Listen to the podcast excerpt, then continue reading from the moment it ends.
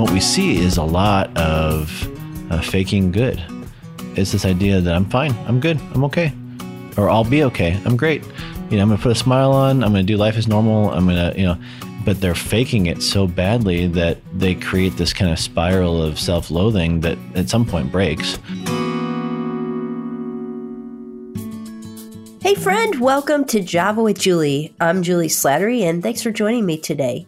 Java with Julie is an outreach of authentic intimacy, a ministry dedicated to reclaiming God's design for sexuality. Well, the voice you heard at the top of the show is Mark Mayfield, and I hope our conversation today is going to help us make sense of the report from the CDC that came out last week. Sadly, this report highlighted and confirmed what many of us already knew more than ever before, our teenagers are struggling with loneliness and depression and even thoughts of suicide. This is especially hitting our girls as well as LGBT youth very hard. Among teen girls, nearly one in three, or about 30%, seriously considered attempting suicide, and that's up nearly 60% from a decade ago. One in five, or 18%, have experienced sexual violence in the last year and that's up 20% from 2017. And more than 1 in 10, or 14%, have been forced to have sex. Sadly, that's up 27% since 2019. The report also indicates a high increase in suicidal thoughts among youth who struggle with LGBT type experiences. Well, where does help come from? That's why I want to talk to Mark Mayfield today. He's a counselor, an author, and a leadership coach. He also has his own story of attempting and surviving suicide when he was a teenager. As a therapist, Mark has specialized in teen depression and suicide prevention. Today is going to share some practical ways that you can engage your teenager or somebody that you know to create a safe space for them to talk and he will offer you hope and encouragement if you're a parent. Mark's latest book is called The Path Out of Loneliness Finding and Fostering Connection to God, Ourselves, and One Another. You'll also hear him mention a PDF called Help My Teen is Self Injuring. We'll link to both of those resources in our show notes and at AuthenticIntimacy.com. Now let's head to the coffee shop for my conversation with Mark Mayfield. Well, Mark, thanks so much for being on Java with Julie. You have a very interesting life work. Mm. Uh, you focus on suicide, mm-hmm. on suicide prevention, on helping families and loved ones recover after mm-hmm. losing someone through suicide. We often say that we don't choose our work; it chooses us. Oh yeah. And this is a uh, really comes out of your own personal story. If mm-hmm. you wouldn't just mind giving us some of that background. Yeah, absolutely. Yeah, I tell the story quite a bit, and it's interesting that I gotta find different ways to tell it so I can connect with it. Still, you know, I think sometimes we know, especially in this field, we tell our stories often, and it becomes more of just a story than actually something that we've lived. And so, mm-hmm.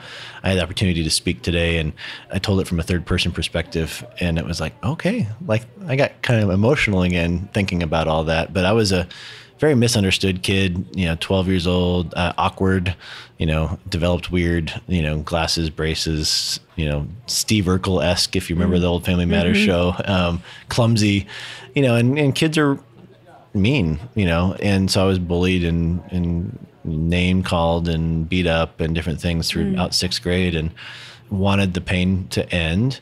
Gratefully that I didn't choose, I didn't know, but I didn't choose a lethal means of uh, taking my life. I chose a non-lethal mean, but it it really wreaked havoc on my stomach and I had to go to the hospital and get stomach pumped and that kind of stuff. But my relationship with my dad, my dad was a very much a, a pull yourself up by your bootstraps. You know, emotions are not necessary type of thing. And I was a very emotional kid, and this kind of got his attention, which was great. I like I, I didn't know I needed his attention in that way, but God orchestrated it all to work out to get to Christian counseling on medication, uh, kind of coming out of the darkness. And the summer of my twelfth, uh, twelve years uh, is when I really started uh, finding out who I was, and I was mm. able to make some pretty significant changes with the help of the counselor and, and that kind of stuff. So it was it was it's fun is the wrong word. It's it's humbling to look back on and yeah. to see where God's brought me.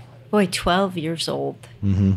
Do you even remember what it was like as, as that twelve year old? Like the mm-hmm. the sense of hopelessness, despair. Oh, yeah.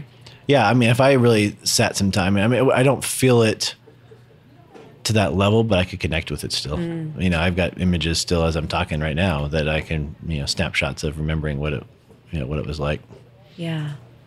I, I think often when we talk about teen suicide Mm-hmm. or suicide in general, we think about late teenagers, we think about young adults. Mm-hmm. We don't think about 12 year olds. And I know it's even getting younger today. Yeah, I mean, I, mean, uh, I remember having a client, uh, family came in and their eight year old had taken their life. Like, and I, we could, I, I had to get therapy Yeah. to process that one because that took me by surprise. But we're finding that it's the number two leading cause of death among 10 to 15 year olds. Wow. Like, and that's the question that I, I just scratch my head all the time. Like, why? Mm. You know, Mm-hmm. and, and, and, and I mean, there's a lot of reasons why, but the big part of it is just we're not, we're not making meaningful connections like we used to. Is the suicide rate increasing over all age groups at this point? Yeah, I would say so. Um, I think we read the statistic wrong or it's recorded wrong. You know, mm-hmm. when the CDC says we had 50,000 deaths by suicide last year, that doesn't take into account intentional overdoses, that doesn't take into account uh, intentional coming off life altering medications, mm-hmm. cardiovascular heart medications. People will stop that to, to want to die. That doesn't take into consideration intentional accidents mm-hmm. those kinds of things, right? So the number is actually closer to you know eight nine hundred thousand.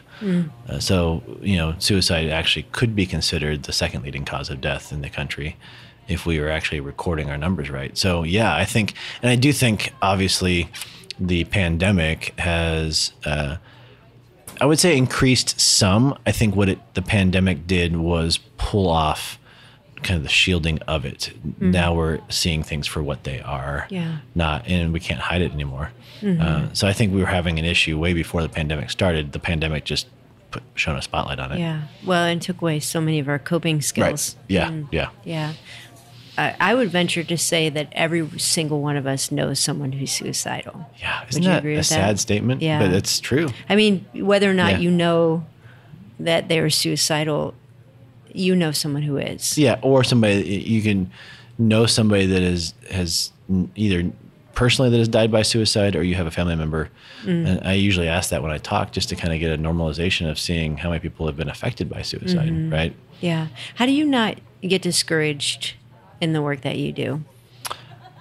Well it's funny because I'm kind of on a, hiatus from actually seeing clients right now, just because I needed to take care of myself. Mm-hmm. Um, I look at it from a place of ministry.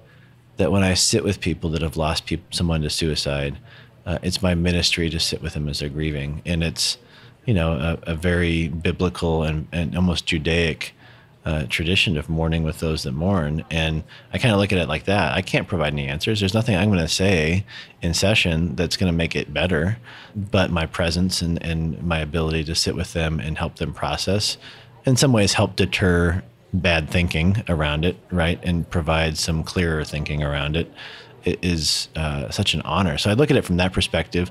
And then I also just got really great people in my life that I know I can trust to decompress with Yeah. uh, and let it let it go. Plus, you get to be on the side of preventing. Yes. I'm sure a lot of suicides. Yeah. um, which gives life. Mm-hmm.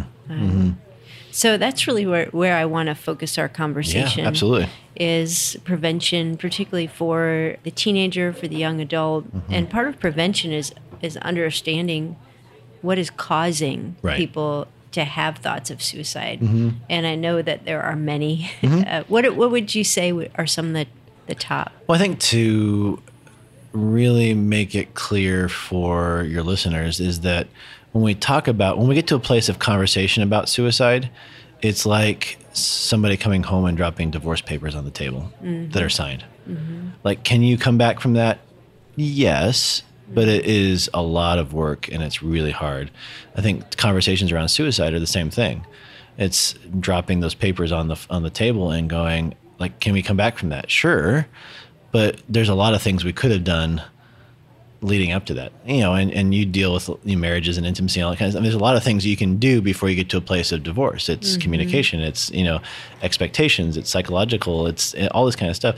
So the same thing is, I like to talk about that with, with this conversation is, yes, we need to talk about suicide, but we need to talk about everything that leads up to that. And Right. that's social media overuse. It's, you know, inundation of, of information 24 seven. It's loneliness and isolation. It's now like parents keeping track of the fads that are going around. Like it's, mm-hmm. it's almost hip right now to have anxiety mm. or depression or to cut or, you know, because all my friends are doing it. Like, what? Like, where? But if we're not creating a culture of conversation in our families uh, where we're open with our kids about our own struggles, obviously age appropriate in all ways, but uh, being transparent, then our you know our kids aren't going to have a place to converse around that as well. And what we see is a lot of uh, faking good. It's this idea that I'm fine, I'm good, I'm okay, or I'll be okay, I'm great. You know, I'm going to put a smile on, I'm going to do life as normal, I'm going to, you know, but they're faking it so badly that they create this kind of spiral of self-loathing that at some point breaks, right? And, and maybe impulsively they choose suicide, maybe they plan it, maybe uh, they don't intentionally choose suicide, but they're wanting to escape that feeling and they go do drugs or they, you know, sex or, or whatever, something that's going to cause harm. Yeah. Um, and it, obviously that makes matters, you know, 10, 15 times worse. But so I think there are, you know, a bunch of mitigating factors. Uh, I always, when people ask me, where do you start? I start with loneliness. Because I think that's the root of it, in my opinion. And, and I think that's the best place for us as Christians to really uh, begin to uh, attack it. Yeah. Loneliness is an epidemic in our world Mm-hmm. today. Uh, and we're not really sure how to attack it because we're so isolated. Let's just Mm-hmm. Yeah. talk about family Sure. and loneliness. I think about the ways families operated Mm-hmm. maybe 20, 30 years ago where they had meals together. If they watched TV, they watched it together. Mm-hmm. Together, right. Yeah, and they Not on planned it. individual Like devices or whatever, Our show yeah. is on at 8 p.m. We're going to watch it together. Uh, if you're lucky, you had a remote. If not, the kid was the one that got up Or and there you, know, go. changed yeah, the channel. I remember the days where you, if you had a phone call, you had a family phone. right. oh, yeah. uh, I mean, I remember those The whole too. family could hear what you're saying to Right. one another. Nowadays, we come home, we say hi to each other. Mm-hmm. We're isolated. We may eat dinner together, but maybe we're running out to another activity. Right. And how do we change that? Well, I think one of the big things I enjoy doing with families, so you know that I get to have that haven't had a kid die by suicide, is like, what do they want their family culture to like, to be like? And I think you know you get the mom and dad in the room, you get the kids in the room, and they will all agree they don't enjoy the way things are going. Mm-hmm. You know, and and they it's interesting. You think that a kid would be like, "Oh, I'm good." No, like when we get them one on one, they're like, "No, I don't like this." Mm-hmm. You know, everybody's on their phone. We mm-hmm. pass each other in the, you know in the morning. We don't have meaningful conversations or anything like that. So it's really getting the family together to create a family culture, family mission statement around each of these things. Like, what are we good at? How do we want to? What boundaries do we want, we want to set within the family? How do we view technology? What's our value on that or our culture on that? Because everybody asks me, like, okay, doc, tell me what to do. And I'm like, well, no, I can help facilitate some conversations, but like what my family does is not going to work for your family. Like my daughter just got her phone. She's 14, but it was a Gabb phone, which is not loaded with internet or mm-hmm. apps, uh, just used for calling and pictures and that kind of stuff.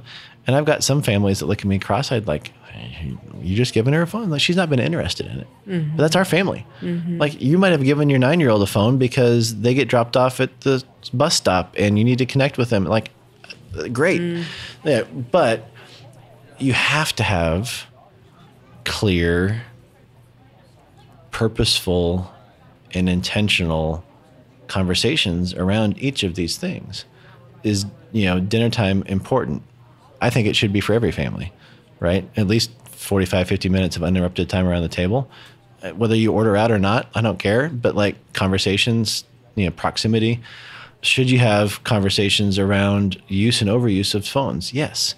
Because we know overuse of phones creates a ton of cascading problems um, with how our brain functions, how we sleep, how we focus, all that kind of stuff. So I love working with families uh, to begin to tackle that because when you begin to tackle those things, the loneliness gets lifted. It's almost like a byproduct, Yeah. right? Yeah. I, I'm thinking of the families that are maybe just two people. Yeah. And maybe a single parent and a child. Right. And but you still need to do that. Oh, yeah. And part of your family culture might be we're attaching to extended family Mm-hmm. or uh, like it's not enough just for us to be us. We right. need more. Yeah. Find your people. Mm-hmm. Yeah. Um, I love this one family. They did. They really enjoyed movies, Mm. and they're like, so okay, every Friday night's movie night. yeah. Phones go downstairs, you know, Mm-hmm. and you know. Joe picks the first one, Sally picks the next one, you know, and they just go through that. And then if Joe picks the movie, Sally gets to pick the food, and and they, I'm like, I love it. Uh-huh. Yeah. And it it was amazing to see the transformation in the demeanor and the affect of, of the kids, you know. And they really didn't need therapy after that. Yeah. Because it's like they're being seen and valued by their parents and each other, and I mean, it's fun. It's fun to watch that. Yeah, that's something the Slatteries did for a while Yeah, here. yeah. my husband loves movies, so we had Friday night movie night it. with We do pizza. we do the same thing. I'm actually missing it tonight. Yeah. So, oh, I'm sorry about that. Yeah. When we talk about teen mm-hmm. suicide rates, one of the things that often comes up is the higher rate of suicide or mm-hmm. suicidality among LGBT youth. Mm-hmm. Yes. I, I th- I don't know if this is an accurate statistic, but I remember reading something that said in 2021, I think it was 19% of LGBTQ youth attempted suicide. Yeah, that's a fairly. It might be a little bit higher, but it's a fairly accurate statement. Wow. So 20%? percent Probably Uh, 20, 21 percent was what my my guess would be. And that's compared to what would be the the normal. Um, I think last I read was nine to eleven percent. So I mean, statistically, Those summer those those statistics are high for both. Yeah, They really yeah. man, I just was shocked when Yeah. when I read that. And we within the Christian community don't know what to do with either of those Mm-hmm. topics, either suicidality or identifying as a sexual minority. right? Yeah. So we do nothing. No, and I think we have the power to do some really great things. And, and this is where I get really frustrated at times with the big C church, mm-hmm. is we feel like we have to fix the person, mm. and that's not the no. Like we need to see the person for who they are and, and in their struggle, and love them where they're at, and through our presence and through our time and through our just experience, you know, that may or may not change, but people need to experience the love of Jesus, regardless. Mm. I, I, I had a. Uh, it was an argument. I'd say it was a healthy debate with a pastor once about the LGBTQ plus you know conversation, and I said, you know, yeah, Scripture is very clear on all of that. I get it, but I said, if you believe that sin entered the world through Adam and Eve and the creation story, uh, it had to infect and in- infiltrate our DNA. Yeah. And so, knowing just the way you know, children are, you know, testosterone dumps are happening at six, eight weeks in utero, and sometimes the mom doesn't give enough or too much or that kind of stuff. So we have things that we can't call genetic mutations or anything like that, but are are creating opportunities for these kids to struggle, and then we have a society that gives them the narrative, Yeah. right? Uh, and the church has nothing to no. There's no response. Yeah. I mean, Right. and there's more people like Mark Yarhouse and others that are doing great work, but for the broader church, and so now these kids, especially kids that are struggling with their sexual identity in the church, Mm-hmm. have no place to turn to, and now we see a higher suicide rate. Yeah. Well, I, I appreciate the way you said that because I do think it, it is a combination. Like every aspect of our humanity has the potential to have been impacted by the fall Yeah. since before birth, Right, even. right. Uh, we don't deny that with developmental disabilities or with blindness Mm-hmm. Right. or or anything. And so we need to realize that's a reality with our sexuality, but also the importance of that narrative Right. that we make sense of our bodies and our Mm-hmm. desires based on the narrative that that we're inundated with. Right. Mm-hmm. Yeah. Uh, John Eldredge once told me, he goes, We're all made up of a gravitational field of sin, brokenness, and spiritual warfare. And our sin, brokenness, and spiritual warfare is going to affect us, Mm. but it's going to affect you because we are beings made up of spiritual and physical energy. Mm. And so, you know, but you think about all three of those components. You know, brokenness is the result of the fall. Sin is our choice. and then the spiritual warfare are the things that are warring against us. And so when we can look at this is what really helps me out with a lot of this kind of stuff. When we can look at the client or the person through that lens, it creates a lot of empathy mm-hmm. because it's like, okay, you know, they're really getting inundated right now, or they've made some bad choices that have led them to this place, or they haven't recognized the choices they have within their brokenness to kind of rise above or rise out or or whatever that looks like. So how do we sit with? We can't judge that. How do we walk with them with empathy and kindness and you know non-judgment? Boy, I'm thinking of families and some of them that I've talked to mm. who have a situation where their son or daughter is identifying as transgender or non binary or mm-hmm. gay. This is a Christian family that mm-hmm. th- immediately that brings up a conflict of what do we do? Right. Uh, we, we believe in what God says about sex and mm-hmm. gender. We love our son or daughter. But also, for many of these youth, there is also depression, anxiety, suicidality. So they, they go to a counselor. The counselor sometimes doesn't know what kind of advice to give them, but it's not just the kid that feels alienated now; Right. it's the family. Yeah, the family, compounding. the family Yeah. doesn't know who they can tell in the church, Right. Uh, and so, where do you step in? Like, where can we find some guiding principles and how to navigate that kind of situation? Yeah, that's a good question, and I think we need to educate ourselves, right? And so uh, I mentioned just real briefly, but Dr. Mark Yarhouse out of Wheaton, Mm-hmm. Yep. uh, used to be at Regent, but now at Wheaton, he uh, is kind of, in my opinion, the foremost Christian authority on this conversation. He's So- been on our podcast Okay, before, so that's our awesome. listeners are familiar with him. Yeah, so he's great. I Mm-hmm. think just just uh, the way he handles these conversations and that kind of stuff.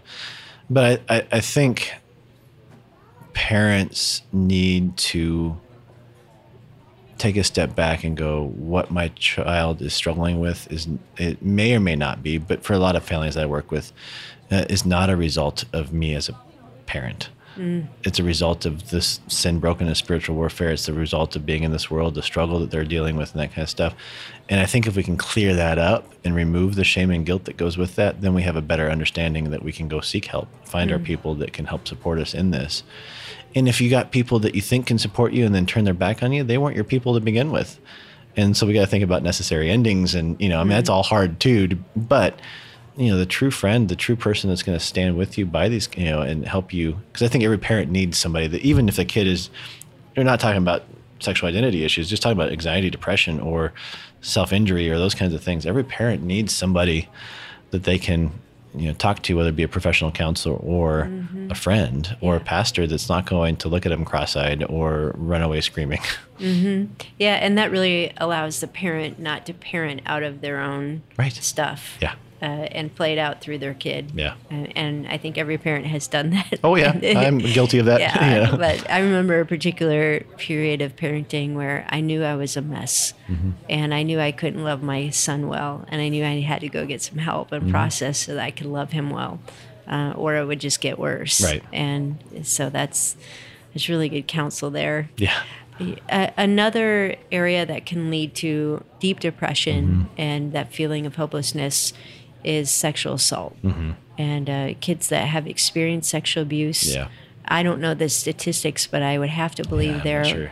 they're way more likely to be in a place of considering suicide. Well, yeah, you think about just what trauma does to the brain and the body. You know, Mm-hmm. I mean, we're in, you know when you don't confront the trauma and you don't work through it, you're in that constant flight, fight, or freeze state. You know, uh, always on alert.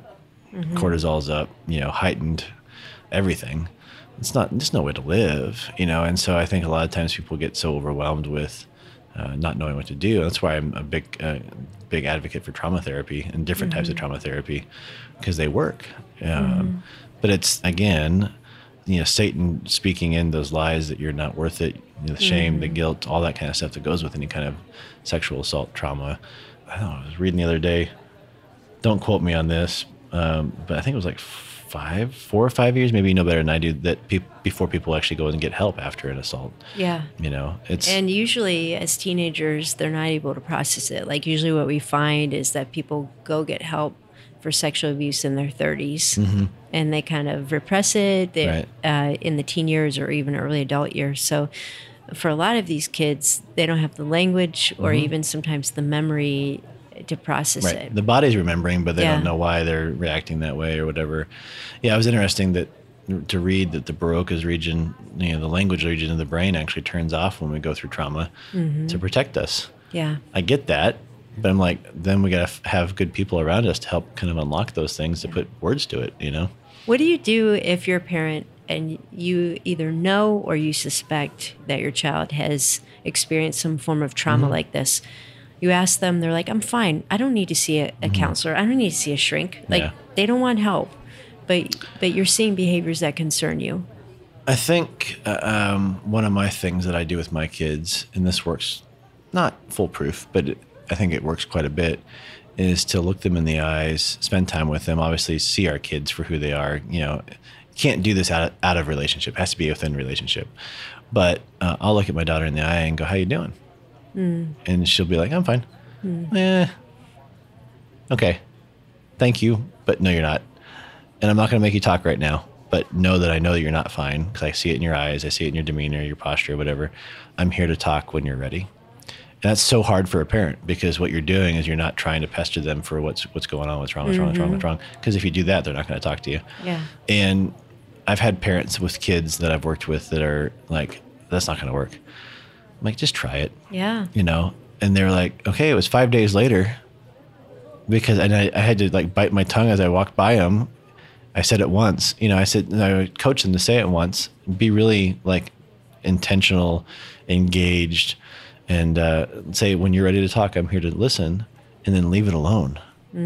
And a lot of parents that have never done that their kids are tested and they go you know are they going to bring it up they're going to bring it up and when you don't and you create that safe place for them to talk nine times out of ten they're going to mm. come back around mm. when you describe that, I've even as an adult had people do that to me where they'll be like, How you doing? I'm like, I'm fine. They'll be like, You don't look fine. Yeah. Like, are you sure you're okay? Like and you feel seen. right It's like, wow. And you you start to reflect even, am I okay? Mm-hmm. Yeah. Is there something I need to mm-hmm. share? So Yeah. yeah, that's I think that's it is feeling seen. Mm-hmm. Like someone's even looking past my words.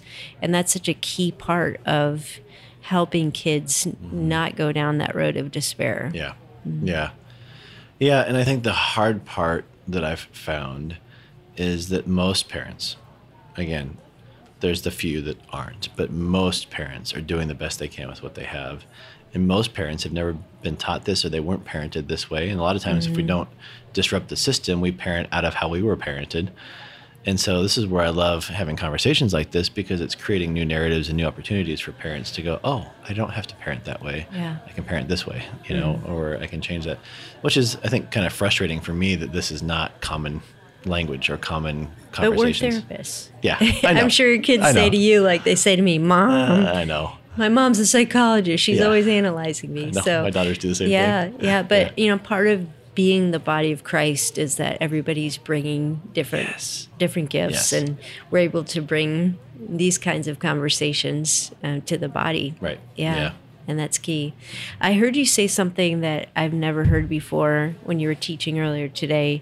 You mentioned that the lower the age of consent in a state is Mm-hmm. correlated with higher suicide rates. Can you talk about that? Yeah. So age of consent is uh, what I was talking about was you know the age of consent to receive therapy. So in Colorado, uh, a twelve year old could come to me as a client without the parent's knowledge hmm. and receive counseling. Now, you, you know, obviously, logically, we're thinking, okay, how are they getting there? How are they paying for it? All this kind of stuff. But from an age of consent law, then I have no legal ability to converse with the parent unless I get the kid's permission, Wow. right? And so 12. at 12, right? Logically, it makes no sense. Some states are 14, some states are 16, majority of the states are 18. Well, we kind of did a, just a, a brief study, and the suicide rates among teenagers is higher in the states with lower age of consent than it is in states with higher age of consent. How do you make sense of that? Well, obviously, we're going to break confidentiality no matter what if a kid comes to us and they're mm-hmm. suicidal. But a lot of times, and what we're seeing more more of is the impulsivity piece, right? So, I made a comment uh, that I'm grateful when a kid comes to me and tells me that they're thinking about killing themselves. now I know it's out in the open. But most of the time, we don't get that luxury. It's all covert, you know, type stuff, and so it's impulsive. And so, if I've got a 12 year old client and they're dealing with severe depression or anxiety, um, that's becoming, uh, you know, scary, and they presented themselves to me on their own, and they won't let me talk to their parents because they won't sign the release form. I could get legally, I'm I'm bound by Wow. the law. Um, and There's so, nothing you can do to protect that child. No. Hmm. And so, when, but if I have an 18 year old, I'm like, either you're telling your parents or I'm telling your parents, and you got a week, Yeah. you know? And Mm-hmm. so there's a little bit more leverage on that. My friend and I fought tooth and nail in Colorado to try to get that reversed. And we brought the statistics and we brought all this kind of stuff. Uh, and it was just a, it was a Mm. mess. Yeah. Wow. Thanks for trying to fight that. Yeah. Yeah, I wasn't even aware of that. And I'm sure that plays out in school counseling. Like you say, how would people get to counseling at 12 years old or Right. pay for it? But school counseling School, is yeah. the avenue. The avenue, yeah. So school counselors can know what your kids are dealing with and they have no ability to tell the parent. Yep. Yeah. Yeah. Mm. Because we, and we heal through holistic approaches, right? And one of those is the people that are around us. Yeah. Yeah. Yeah. And that really begs the question, and this is really for all parents of of tweens or teenagers or I'd say even young adults. Mm-hmm. Often we see our kids acting out or we mm-hmm. see them depressed and we want to take them to somebody to mm-hmm. fix the kid. Right. Can you talk to parents about how important it is for them to be involved? Oh, yeah. Yeah. So towards the end of probably the last five or six years of doing therapy, became known in Colorado Springs as the guy that helps with you know kids that are struggling and that kind of stuff. And so I basically said in my intake, "I'm glad you're here." You know, looked at the kid, had the conversation. We'll see each other a couple times a month. Looked at the parent and said, "If this is going to work, I need to see you every three weeks mm-hmm. in family therapy." And I got to a place where my waiting list was long enough so I could say, you know, if you are not able to consent to that, I don't think I can help your family. You know, because really, I could give these this kid amazing tools. They're feeling seen. They're feeling valued. They're feeling loved in my office, and they go home back to the dysfunctional system. Hmm. And so, if I could help equip the kid and then break down the, the system, was the best way to, to do that. And, and parents, I want you to hear that it's not that, you know, you were a bad parent. It's there are things you don't know. There's things I don't know. There's things all of us don't know. That when we have a third party speaking into it, that can create some clarity, create some different avenues, some aha moments, some tools. Uh, why wouldn't you want to take advantage of that to help change the culture of your family, the mood of your household, you know, the trajectory of your child's life? So why don't we want to take part in that? Why do why do we resist? Pride, Hmm. shame, We don't want somebody telling us Yeah. how to parent our Right. kids or what we're doing wrong. Yeah.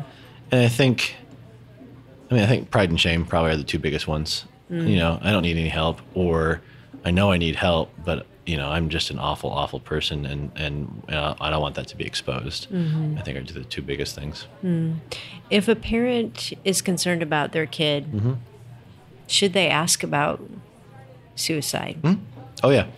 You know, I think people are afraid if I bring it up, then they're gonna it's gonna become a reality. Like I hate to break it to you, it's a reality already. Mm. You know, especially when not to freak people out, but when you can Google, you know, 150 ways to kill yourself without feeling pain, and you know, I wish Google would not allow that to happen, but Right. they do. Mm. So your kids are already exposed to it, and so it'd be much better.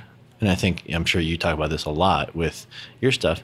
It's better to have the conversations around sex and sexuality and you know, intimate, all this kind of stuff, age appropriately, but coming from trusted adults, not finding out from somebody at school or that kind of stuff. So, same thing with this. I think it's really important that you have age appropriate conversations around mental health and well being, but uh, it needs to come from you. And if you're worried about this and you think your kid might be struggling with some ideation, just ask them Have you ever thought about killing yourself? Mm-hmm. Just be, oh, no, don't beat around the bush. Have you ever thought about maybe possibly not wanting to be mm. here? Yeah. no, that doesn't do it because you want to get to the point and to the heart of the matter, and it'll take him by surprise. But it's like, oh yeah, like yeah, like last week I just mm. had that feeling and I felt so bad. About, I was okay. Let's talk about it. Or yeah, like I'm really struggling and I was thinking about that today. Like if you don't ask direct questions, you're not going to get a direct answer. And, Yeah. and I think that can freak parents out a little bit. I would guess, in my experience, that most kids would say yes, Mm-hmm. even if they weren't seriously Right. considering Right. it. It's crossed the mind of most kids, and they'll even say it sometimes. Mm-hmm. Yeah. Like you, uh, you guys would be better off without me here, or I'm, I'm just going to go kill myself. Mm-hmm. Right. Uh, and as a parent, that would freak you out. Mm-hmm. I mean, that's talk about getting your attention, whether your kids just come out and say it, or if, if you ask and they acknowledge that, Right. what's next? And I think that's one of the reasons we don't want to ask is because we're not sure how we'd handle it if they say yes. Yeah, I mean, I've got a free PDF download on my website that parents can download called Help My Teen is Self Injuring. And I talk through kind of step by step of how to engage, how to ask, who to go to, and that kind of stuff. And it's not an end all be all, but it's a decent resource uh, that I published with Focus on the Family that you could use for uh, just a guide. Um, but again, like everybody else, it's it's going to be unique to that that person. But yeah, if, if a kid is really serious, not just like yeah, I thought about that at once, you know, but they're really serious, you kind of got to activate support mode, and whether that's you know going to a pastor first or you know uh, finding a Christian counselor, uh, it's really important that you get that taken care of. Is it possible to overreact? Yes. What does that Yeah. look like? Um, I think if a, parent asks a question and, and the kid's like, "Yeah, like five months ago," uh, but that was just fleeting, you know, and then the parent hovers or is you know micromanaging or overprotective and that kind of stuff, I think could be a great you know big way of doing that, especially when we find out their kids are self-injuring. That's where I think parents overreact because most kids are not suicidal when they're self-injuring. They're trying to make sense of their pain. They're trying to control their pain. They're trying to relieve their pain, which logically doesn't make sense, but it does work and so parents will freak out and and uh, uh, try to create uh, things where it's going to make it worse. And I think that's where parents need, like I said earlier, that they just need some safe people that they can conf- confide in. And, and lose their cool with a friend, not in front of their kid. You know, hold it together in front of their kid. Yeah. Yeah. And, and get some professional counsel Yeah. of Yep. yeah, what to take seriously and Right. what not to, and all Yeah. that stuff. As we wrap up, I know that there is no foolproof plan. Like if you do these things, Right. your kids are never going to struggle or never consider suicide. But there are principles Mm-hmm. that can help. What would you say are the most important thing for us to know, not only as parents, but as the Christian community, to support people that might be struggling? we need to get back to seeing people for who they are, who God's created them to be, and let them know that, and not just be a fleeting thing. We need to know, let people know that they're loved and that they're valued. And I think if people are seen, valued, and loved, um, they may think about it, but then there's actually a, a, there's not a like I, I can't follow through with this because so and so needs me or so and so values me or so and so loves me. You know, I think if we know that what we're doing with being seen, valued, and loved is we're creating opportunities for identity and truth to be spoken in and over those individuals, and so the the acuity goes down. You know, the problem might not go away, but the acuity will go down. And so they may have struggle with ideation, um, but there's no plan, there's no means. They're just they're struggling with their value or their identity. And so if we can maintain that, I think that's where the church really has an opportunity to step in. You know, is that's what Christ did.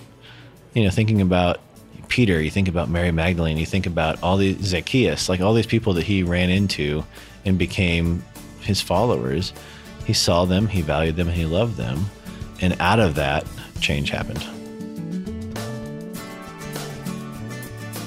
Well, I am so grateful for people like Mark Mayfield who are willing to step into these hard places and literally spend their lives becoming experts so they can provide hope and healing to families who are walking through depression and suicidal ideation. We'll link to his latest book, The Path Out of Loneliness, in our show notes, as well as the PDF he mentioned, Help My Teen is Self Injuring. And if you are looking for practical tools to help you connect with your teenager, I want to point you to a ministry that I really love. It's called Axis. That's A-X-I-S dot org. They're a great resource for parents to engage and tackle tough topics with their teens, one conversation at a time. I've used Axis resources for years in my own parenting, and I would highly recommend them. Look for that link in our show notes as well, and you can find all of that at AuthenticIntimacy.com. Hey, thanks for listening, and I look forward to having coffee with you next time on Java with Julie.